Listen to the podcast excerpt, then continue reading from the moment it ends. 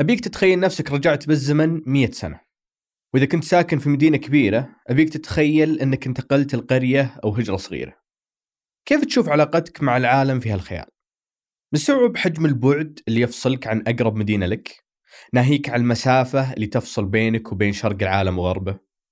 هالعزلة كانت هي الطبيعية لأغلب الوجود البشري قبل ما تتواصل مع العالم لحظيا بالإنترنت وقبل ما تشوفه في التلفزيون كان العالم هو بقعة الأرض الصغيرة اللي ولدت عليها وكل اللي حولها كان بعيد جدا جدا.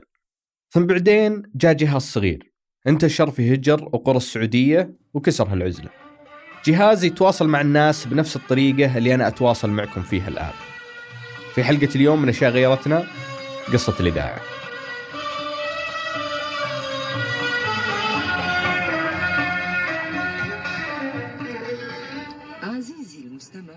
يا هلا.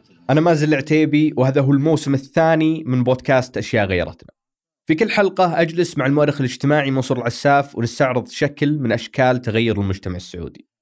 ولافتتاحية الموسم الثاني من البودكاست ما لقينا موضوع أفضل من بودكاست زمان الإذاعة والراديو.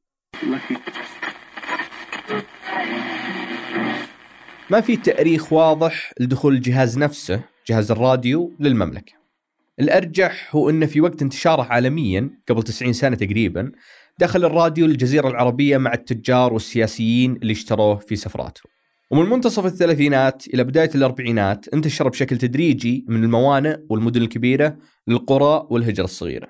ليش أتوقع أن هالانتشار بدأ في منتصف الثلاثينات ومو في العشرينات مثل باقي العالم؟ لأن حتى منتصف الثلاثينات ما كان في قنوات راديو عربية توصل للسعودية. كان في إذاعة حكومية في مصر من 1925 لكن إرسالها ما كان يغطي مناطق المملكة. فالمنطقي أن جهاز الراديو ينتشر بعد تواجد إذاعة عربية توصل للمنطقة. الإذاعة اللي جت في 1938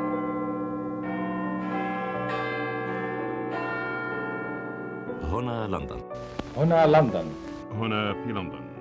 هنا لندن. هنا لندن. ثمانون عاما في خدمة المستمع هنا لندن العربي. الجملة الشهيرة اللي حتى لو ما لحقت عليها تعرفها. في 1938 أطلقت البي بي سي فرعها العربي بي بي سي العربية الإذاعة اللي كثير يعرفونها باسم إذاعة لندن. ويبدو لي أن إذاعة لندن كانت هي القناة الإخبارية الأهم في فترة زمنية غيرت شكل العالم. وكانوا ينتظرونها حقيقة ينتظرون الأخبار من لندن متابعين. آه، خصوصا أيام يسمونها حرب العموم. اللي هي الحرب العالمية الثانية. حرب العموم حرب العموم. يتابعونه عن طريق الإذاعات الأجنبية. طبعا وقتها ما انتشرت الإذاعة كثير. يعني آه، الحرب العالمية الثانية في سنة آه، 1365 انتهت يعني. بدأت في عام 1300 تقريبا 60 61 إلى 65 يعني ما يعادل من 41 إلى 45 ميلادي. ففي وقتها ما انتشرت الإذاعة كثير. يمكن بعض المسؤولين ولا أمراء المناطق وده لا يمنع أن التجار عندهم بعض المواطنين عندهم وبعض المدن الكبرى يعني فيها سكان كثير من المدن الكبرى. آه، مكة المدينة جدة الرياض الشرقية أغلبها يمكن تلقى عندهم. حتى القرى كان عندهم حتى القرى. بس إن القرى يمكن يكون اثنين أو ثلاثة بالقريه عندهم ذا الراديو ويجتمعوا كلهم يسمعون. يسمعوا. أيوه فكانت يسمونها حرب العموم. بعد الفترة اللي تكلم عنها منصور جاء وقت وجود إذاعة محلية تبث من الأراضي السعودية وهو الشيء اللي صار في 1949 ومثل تطورات تقنية كثيرة في السعودية تم تسخير هالتطور في البداية لخدمة حجاج بيت الله الحرام. سافر وقتها وزير المالية عبد الله سليمان لمصر حتى يستورد الأدوات ويطلع على تجربتهم في البث. ثم رجع وأدار بناء الإذاعة تحت إشراف الملك فيصل الله يرحمه اللي كان وقتها نائب الملك عبد العزيز في الحجاز. وبكذا بثت الإذاعة السعودية للمرة الأولى في يوم عرفة من حج 1368 وانطلقت إذاعة جدة يبدو إنه كان آه، في يوم عرفة أو يوم التروية كان أذان العشاء في آه، إذاعة مكة المكرمة. آه، أول نشرة قرأها هاشم زواوي والغريب آه، قرأها في آه، شريط يعني سجلها في شريط ثم يعني أفرغ الشريط في التسجيل. وكذلك كانت طبعا تحوي آه، موادها هي ساعات محدودة على فترتين إنك تحوي القرآن الكريم والحديث والأخبار آه، السياسية والعامه خصوصا أخبار المملكة وأدعية ومقطوعات موسيقية للجيش السعودي وكان في يعني أمر غريب حقيقه وقتها إنه كانوا يعني آه، مخصصين فقرة كاملة إلى الشاعر عبد الله الويحان. الويحان التميمي العنقري التميمي. فكان له فقرة كاملة عبد الله الويحان يلقي فيها قصائد آه، شعبية طبعا. بس وش كان يعني هل كان بث نفسه نعرف الحين 24 ساعة؟ لا لا كان مدة محدودة على فترتين يعني تقريبا بعد المغرب وتقريبا بعد الظهر أو بعد العصر. كان ساعات محدودة يعني بالكاد أربع ساعات يمكن بال ويتوسع طبعا مع مع فترة كل فترة فترة يتوسع البث. والمدى حقها كيف كان؟ المدى 300 كيلو تقريبا. أوكي مم. يعني من مكة يعني يعني من مكة يصل إلى حدود المدينة كذا. و... ولكن تعرف مع البحر ربما يوصل أكثر يوصل مصر والسودان. خلال السنوات الأولى من عمل إذاعة جدة كانت تعمل تحت وزارة المالية. ثم في 1955 أصدر الملك سعود الله يرحمه مرسوم يخلي الإذاعة السعودية هيئة مستقلة. وخلال سنواتها الأولى أطلقت الإذاعة برامج كثيرة صارت هي حجر الأساس للإذاعة السعودية. من أهمها كان برنامج بابا عباس. الخاص بالأطفال واللي يقدم المذيع والسفير المرحوم عباس غزاوي. أطفالي الأعزاء مساء الخير. هليت يا ملك هليت يا حامل حرم ولا البرنامج كان له أثر ضخم على الأطفال اللي يسمعوه في ذاك الوقت لأنه تقريبا كان واحدة من الأشياء القليلة الموجهة لهم بشكل مخصص. هذه طفلة سابقة تتذكر كيف كان شعورها لما قابلت بابا عباس شخصيا. مرة كان جاء في جبل سبع البنات هو يجي عند بيت القطان يسجل برنامج لل- آه، للأطفال كل جمعة. فاللي حصل مرة أنا طالعة بيت عمي في الجبل آه، لقيتهم قاعدين وبيسجل مع الأطفال وحوسة. طبعا أنا فضولية ما كنت عارفة إنه إيش بيسوي ولا شيء بس بيسألوا الأطفال ينشدوا وشغلات زي كذا. أعطاني الميكروفون لما أعطاني الميكروفون ما عرفت أنا خلاص يعني انحرجت وما أدري إيش أسوي ما أدري إيش أقول. ما تكلمت ولا كلمة ولا تنفست. شافني طولت سحب الميكروفون. بجانب بابا عباس كان في برنامج تحية وسلام للمرحوم بدر كريم واللي كان يسوي فيه مقابلات مع المبتعثين والمغتربين ويخليهم يكلمون عوائلهم بعد. وهو شيء ما كان سهل زي اليوم. كان في بعد برنامج الأرض الطيبة من تقديم عبد الكريم الخطيب الله يحفظه واللي بالرغم من أنه كان موجه للمزارعين إلا أن كثير لا يزالون يذكرونه ويذكرون أغنيته.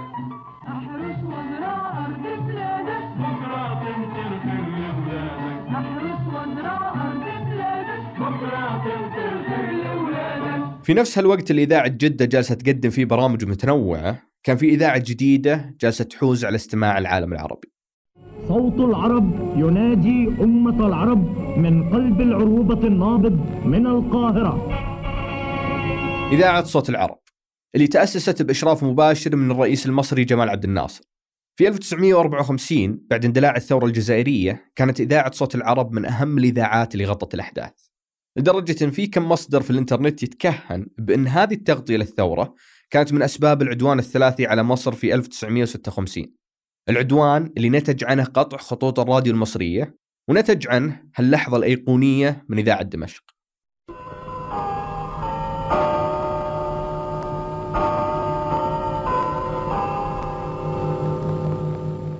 من دمشق هنا القاهرة. هذا صوت الإعلامي السوري عبد الهادي بكار. وهذه اللحظة محفورة في ذاكرة ناس كثير لأن في وقت هالمرحلة الحرجة للمنطقة كان الراديو هو الطريقة الأسرع لنقل الأخبار وقت حدوثها. فيمكن تكون فترة العدوان الثلاثي هي ذروة انتشار الراديو عند العرب. الغريب أن في الوقت اللي كل هالأحداث جالسة تصير كانت المنطقة الوسطى بلا إذاعة رسمية.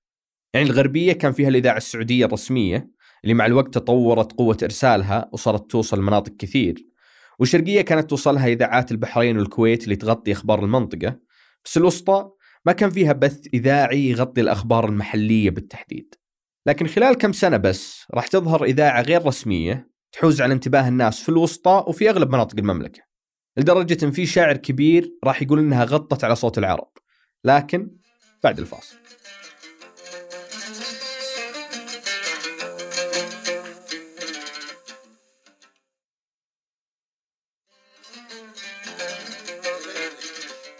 قبل الفاصل كنا نتكلم عن عدم وجود إذاعة في المنطقة الوسطى وقت العدوان الثلاثي وكيف أن إذاعة صوت العرب هي الأعلى استماعا في المنطقة. بعد العدوان بخمس سنوات كانت لا تزال المنطقة الوسطى ما فيها إذاعة رسمية لكن كان في إذاعة غير رسمية. إذاعة قال عنها الشاعر سليمان بن حذور يا ليت طامي ما فتح له إذاعة ولا شغف بعض المخاليق بغناه غطى على صوت العرب باستماعه كل يدور موجته لين يلقاه. السؤال الآن من هو طامي؟ طبعا آه، هو من أهل القصيم وشاب ووقتها طلع لسوريا كذلك أيام يعني بعد حرب ميسالون والتحرير واحتلال ال- الفرنسي لسوريا والنكبة آه، ضد العرب وقتها. بعد الفترة هذه طبعا هو كان راح آه، لسوريا فتعلم ما كانوا مع الجيش السوري المقاوم للاحتلال الفرنسي يعني جزء من آه، ال- السكان الجزيرة العربية على وجه العموم يعني كانوا طلعوا سوريا طلعوا فلسطين ضد الاحتلال وقتها. فكان طامي من ضمنهم. اشتغل مع بالجيش هناك مع آه، هندسة اللاسلكي وزي كذا فتعلم منهم. آه، فلما جاء هنا طبعا بدأ بنشاطه هذا. كان يبدو لي رجل مفكر ورجل يعني يحب يخترع يكتشف. يعني لو تلاحظ سيرته الذاتية تلقى أجهزة كثيرة لكن هو انشهر بالإذاعة بحكم أثر الإذاعة الاجتماعي على المجتمع طبعا. في الرياض طبعا بدأ في مرسلة وطورها ومشت معاه وأصبحت إذاعة. إذاعة طامي تقريبا بدأت في سنة 1380 1960 تقريبا يعني وبدأ فيها حقيقه دائما الناس تذكر إنه بدأ في شارع الوزير في عماير محمد بن سعود، لا خلينا أصحح لك النقطة هذه، هو أول ما بدأ بدأ في غرب حديقة الفوطة، غربها آه، كان في مبنى في السبعينات والثمانينات. كان المبنى هذا آه، يسمى يتقام فيه زي ما تقول مسرح. يعني مسرح للتلفزيون والإذاعة ويبدو إنه كان تابع للوزارة آه، وقتها كانت الرئاسه العامه لرعايه الشباب لأن ال- الشأن الثقافي كان تابع لرئاسة الشباب وقتها. فالموقع هذا قبل لا يقوم المسرح هذا كان في الموقع هذا فيه كوان حوانيت ودكاكين شرع ومن بيت هناك صغير أو عمارة ذا من هناك بدأ مرسلته. أيوه بعدين مشت معاه وقال لازم أطلع إلى مكان عالي. فطلع وقتها كانت المباني العالية مح- محدودة في الرياض يعني سيتي بنك اللي هو البنك الأمريكي عمار تسبيعي في البطحة. وكانت عمير محمد بن سعود في نهاية شارع الوزير جنوب شارع الوزير. فهو أخذ واحدة من عماير محمد بن سعود آه، الأمير محمد بن آه، ابن الملك سعود. ويبدو أو إن الملك سعود محمد بن آه، الملك سعود طبعا يمكن أعطاه إياه يعني أو فرغه أو أعجبه زي كذا ما أدري بالضبط أو هو أخذها لكنه أخذ له هناك شقة وبعدين أخذ السطح يعني. وقام يرفع مرسلته وترسل من هناك. وفعلا وصلت. وصلت الم- المواقع بعيدة وبدأ يعمل فيها. عبد الله العويد أو طامي مثل ما يعرفون الناس قرر إنه يفتح إذاعة الخاص. وبكذا يكون طامي الله يرحمه أول بودكاستر سعودي. مهمة إنك تسوي برنامج إذاعي اليوم في عصر كل شيء سهل ومبسط لا تزال مهمة صعبة. فما بالك إنك تسويها قبل 60 سنة وتكون ناجح بعد؟ النجاح اللي غالبا كان بسبب قرب طامي لجمهوره والناس ترسل له بعدين والله أنا ضايع لي اللي ضايع حلال ولا ضايع حفيظة نفوس واللي ضايع آه، مفتاح.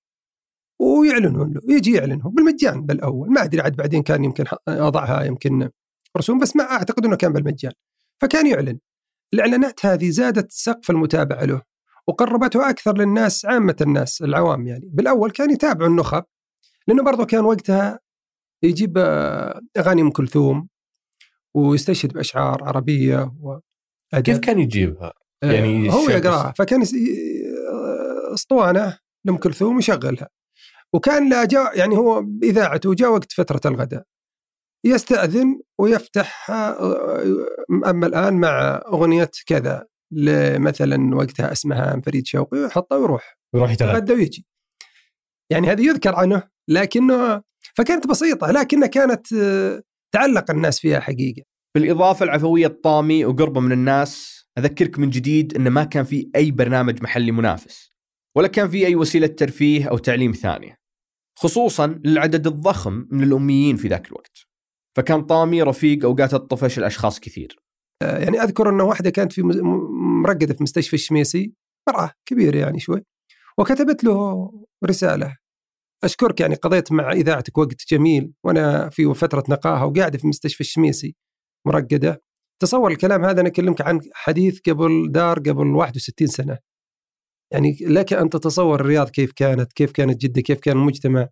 يعني الناس كانت تنام بدري يعني أكيد إنه كان الساعة زيها الحين أنا وياك الساعة 9 ونص.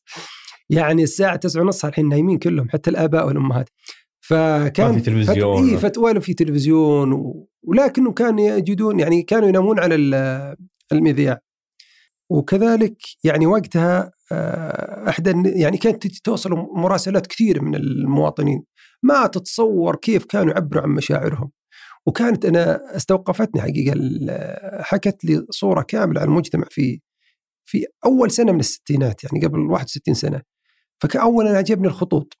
الخطوط الجميله المواطنين من عامة المواطنين كانت خطوطهم جميلة. وإملاء ما في أخطاء إملائية. هذه أنا توقفت عندها حقيقة. وكان وقتها يعني في الغالب إنك تتوقع إنها تكون مكتوبة باليد. قلم حبر في ال- مشهور وقتها القلم الحبر باركر لكني وجدت إنه كان بعضهم يرسل يعني هذا رايق اللي يرسل بالاله كاتبة. إي والله. ناهيك إلى إنه بورق رسمي. يعني أحد الأشخاص كان مرسل له بورق رسمي يعني ورق رسمي إيش؟ المكتب هو. فلان بن كتب مكتب فلان بن فلان بنفس الوقت اللي طامي جالس يسوي هالأثر انطلق صرح إذاعي سعودي جديد. في سنة 1962 افتتح الملك سعود الله يرحمه إذاعة صوت الإسلام اللي لا تزال تذيع اليوم باسم إذاعة نداء الإسلام. وإننا لعازمون بحول الله أن نضع برنامجا نسميه صوت الإسلام وإني أتحدث إليكم من صوت الإسلام. الإذاعة كانت تعنى بالبرامج الدينية المتخصصة وفي البداية كانت مدموجة في إذاعة جدة بحيث إذاعة جدة تذيع برامجها وقت النهار ثم قبل المغرب تبدأ إذاعة صوت الإسلام وتستمر حتى صلاة العشاء. كثير لا يزالون يذكرون النداء اللي كان يفتتح الإذاعة. نداء الإسلام من مكة المكرمة. نرجع لطامي اللي بحكم إنه جاء في الرياض قبل الإذاعة الرسمية كان سباق في حاجات كثيرة.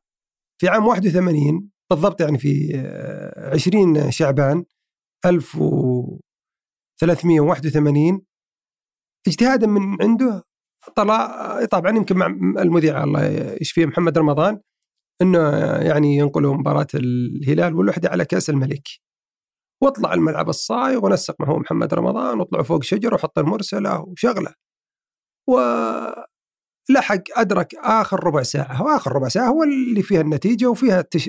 يعني فيها التتويج والتسليم وظفر إنه آه يعني علق على آخر ربع ساعة فيها. فكان هذا تاريخيا أول نقل مباشر لمباراة في الرياض اذاعيا. آه يعني هل جدة مثلا سبقوه في مباريات؟ يبدو لي يبدو لي يبدو لي جدة إنها كانت تنقل. لا أنا ما أذكر حقيقة لكن يمكن إنه على على أقل تقدير يمكن المباريات المهمة اللي تكون كأس وذا ربما نقلت. بس طبعا كان واضح إنه بمجرد ما يصير في إذاعة رسمية بالرياض طامي راح يضطر يوقف. وهو الشيء اللي صار بعد أربع سنوات من بدء طامي لإذاعته في 1965 لما افتتحت إذاعة الرياض طلب الملك سلمان اللي هو وقتها كان أمير الرياض طلب طامي في مكتبه وأثنى عليه وشكره و... وقال الآن يا طامي آه أنت الآن آه، آه، يعني آه، افتتحت الإذاعة الرسمية.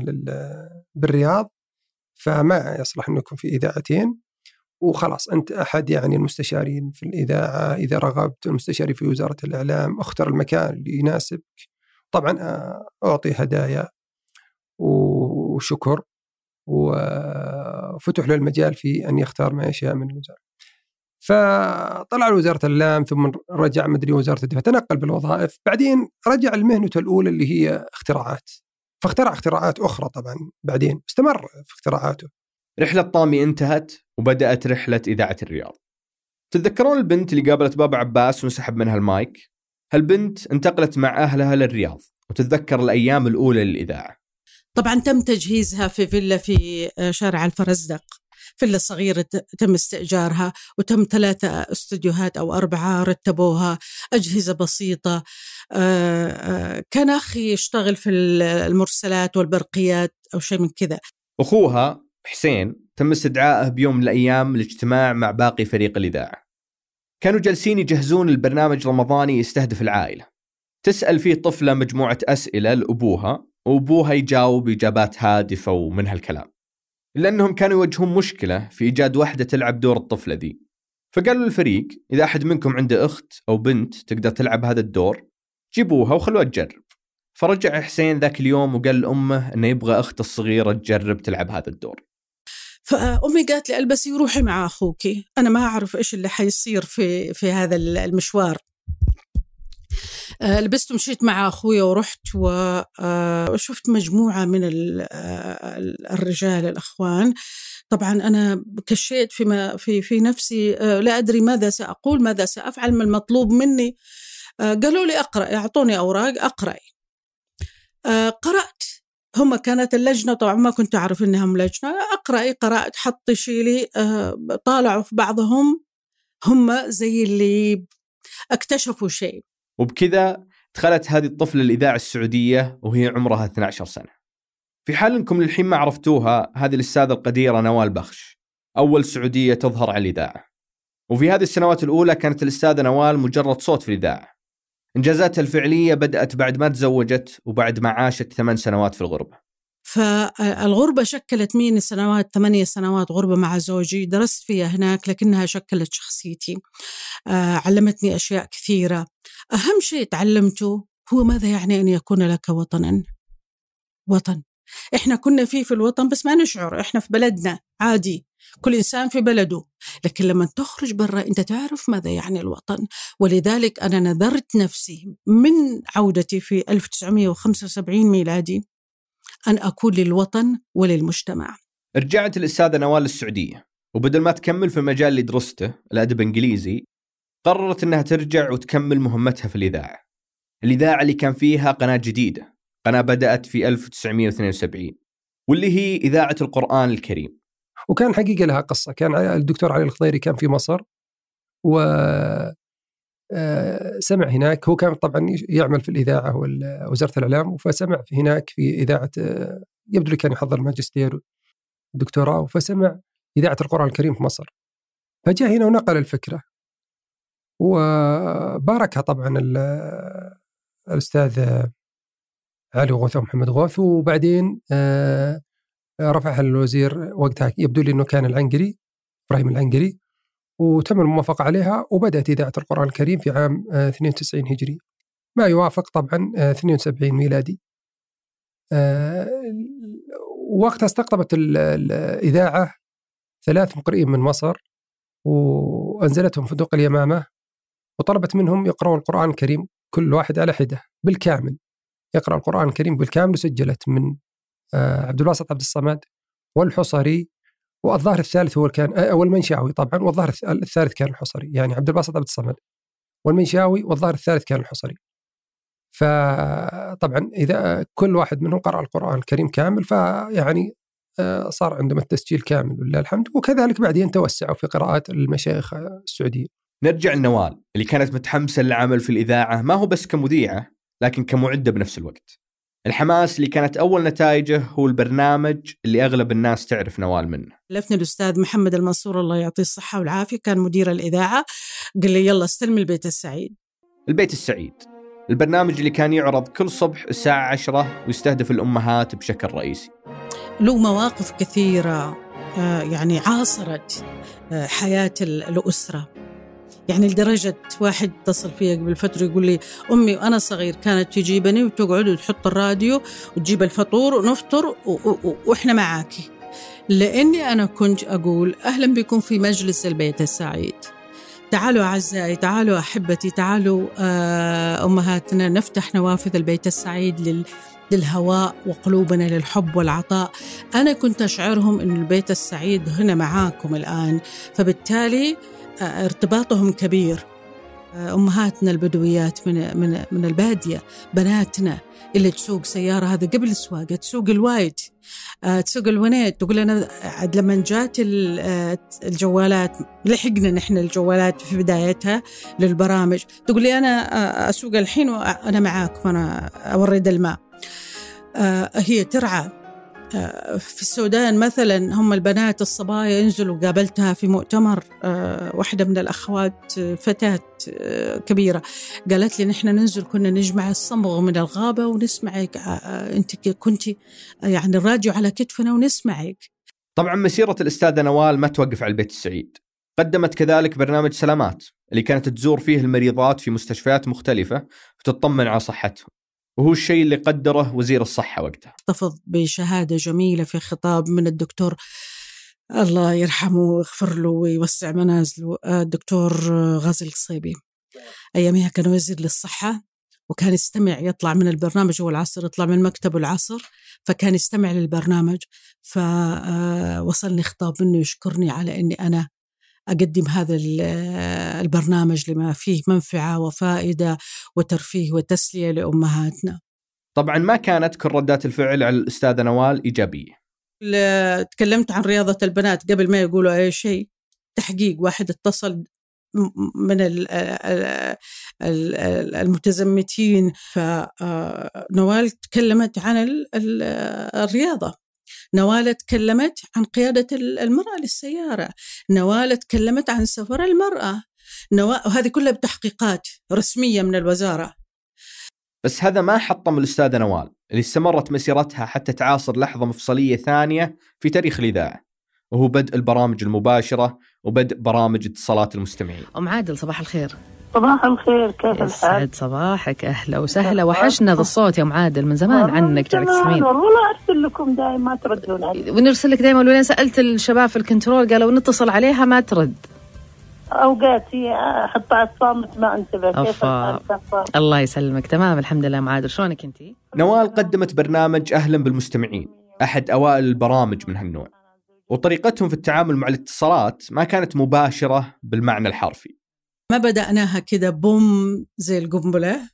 لا كان في حذر شديد آه إنه نحن آه نخبصها من البداية. فحبوا هم يعملوا آه فلترة. يعني المذيع يجلس في الاستوديو على الهواء. خلاص هو. لكن المكالمات نحن نتلقاها ونعمل لها فلتر ومونتاج ونرتبها ونحطها على الهواء نرسلها الاستوديو طيب؟ آه ليش؟ لأنه نحن مجتمعنا ما كان متعود على مثل هذه البرامج وخايفين من التلبيخ والتخبيص فيها بما لا يسر. بس طبعا مع مرور الوقت صارت المكالمات نفسها تعرض مباشرة وبدون ما تصير عليهم مشاكل كثيرة. بس الشيء المثير للاهتمام في هالفترة هو أنها تزامنت مع الإذاعات الخاصة. بحيث انطلقت ام بي سي إف إم كأول إذاعة سعودية خاصة في 1994 وتزامن هالحدثين برامج المستمعين والإذاعات الخاصة نتج عنها شكل الإذاعة المهيمن اليوم. من البرامج اللي تذكر كان برنامج ستة في واحد مع أحمد الحامد. أعزائي المستمعين مساكم الله بخير ونبدأ استقبال أول مكالمة من مكالماتكم الغالية. علينا في برنامجنا ستة في واحد. كذلك من أهم الأصوات اللي طلعت في ذيك الفترة هو المرحوم سعود الدوسري. آه، إحنا نبث آه، تقريبا على الجزء الأكبر من المملكة العربية السعودية بالإضافة إلى الخليج. ويمكن أضخم برنامج مؤخرا كان الثانية مع داود الشريان في 2009 واللي تحول للثامنة مع داود الشريان على التلفزيون.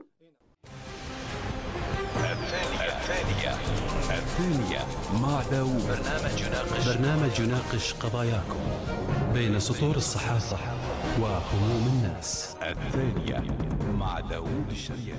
وحتى اليوم قصة الإذاعة ما توقف. بالرغم من قلة إقبال الناس على قنوات الراديو إلا أن قصة الإذاعة تستمر على المنصة اللي جالس تسمعنا منها الآن البودكاست. لما ظهر التلفزيون اشتهرت جملة تبدو منطقية وهو أن التلفزيون بيقتل الراديو. لكن المحتوى الصوتي لا يزال صامد لليوم. يمكن لأن الصوت يأثر فينا بطريقة الصورة ما تقدر عليها. طريقة حميمية تحفز الخيال مثل ما تقول الأستاذة نوال. لدرجة إني أحيانا كثيرة أتخيل نفسي إني في وسط الراديو إذا كان في تمثيلية إني أنا جزء من هذه التمثيلية وإني بتابعهم. يعني خيالي كان آه، شاطح كثير في الفترة هذه. وتعلقت لدرجة إني أنام والراديو على صدري. فتجي أمي الله يرحمها ترفع عني وتغطيني وخلاص. فهذه قصتي. أول ما أخلص شغل البيت وواجباتي المدرسية آه، أتجه إلى الراديو. فمن هنا كانت رفقة حميمة بيني وبين الراديو وما كان شيء غريب عني. يعني كنت أحس فيه كنت في عمق آه، الإحساس به وعلى طاري تحفيز الخيال ما أتوقع فيه أحد حفز خيال السعوديين مثل الأستاذ عبد العزيز الهزاع اللي ارتبطوا الناس فيه وبالشخصية اللي اشتهر فيها أم حديجان نختم بها ونشوفكم على خير. عبد العزيز الهزاع جاء ذيك الأيام أخذ خامس ابتدائي صار معلم وتعين في الشرقية. فالملك سعود زار الشرقية وأقامت له مديرية المعارف هناك آه، حفل كبير. تعرف مسرح قدم الملك سعود فمن ضمن فعاليات المسرح تمثيلية صوتية. أنت يا غزوة. أي. هذه والله اللي جابها الله بنضحك عليه ما بعرف لا تيش ولا خروف ولا عارفين بده بده بيضحك. لا بنعطيه ن- نبيع عليها الغاط غاطين ونبيع ند- ندبل عليها السعر لكن ما نخاف من الله. نخاف من الله بس هالمرة. من عبد العزيز الهزاع قال أنا أسوي لكم عدة شخصيات. فسوى تمثيلية زي كذا. هذه أول بدايته مع الملك سعود. فسوى التمثيلية هذه وتقريبا سوى حول تسع شخصيات. أم وأب وجارهم والولد والمدرس و... تسع شخصيات رجل واحد يقولها من خلف الستار. وضحك يعني آه، ساعد فيها الملك سعود بشكل كبير مرة. ففاجئوا الملك سعود بآخر الحفل قالوا إنه ترى اللي الشخصية اللي مثلت هذه شخصية واحدة. ما صدق قال مستحيل. قال أعطوا هذا واحدة. وجابوا يسلم على الملك. ودحين خلاص غلق وقتنا. إلى اللقاء يا أصدقائي الصغار. إلى اللقاء. هذه الحلقة من بحث وإعداد الرائع منصور العساف. أنتجتها أنا مازن العتيبي وحررها المدير الكبير ثمود بن محفوظ.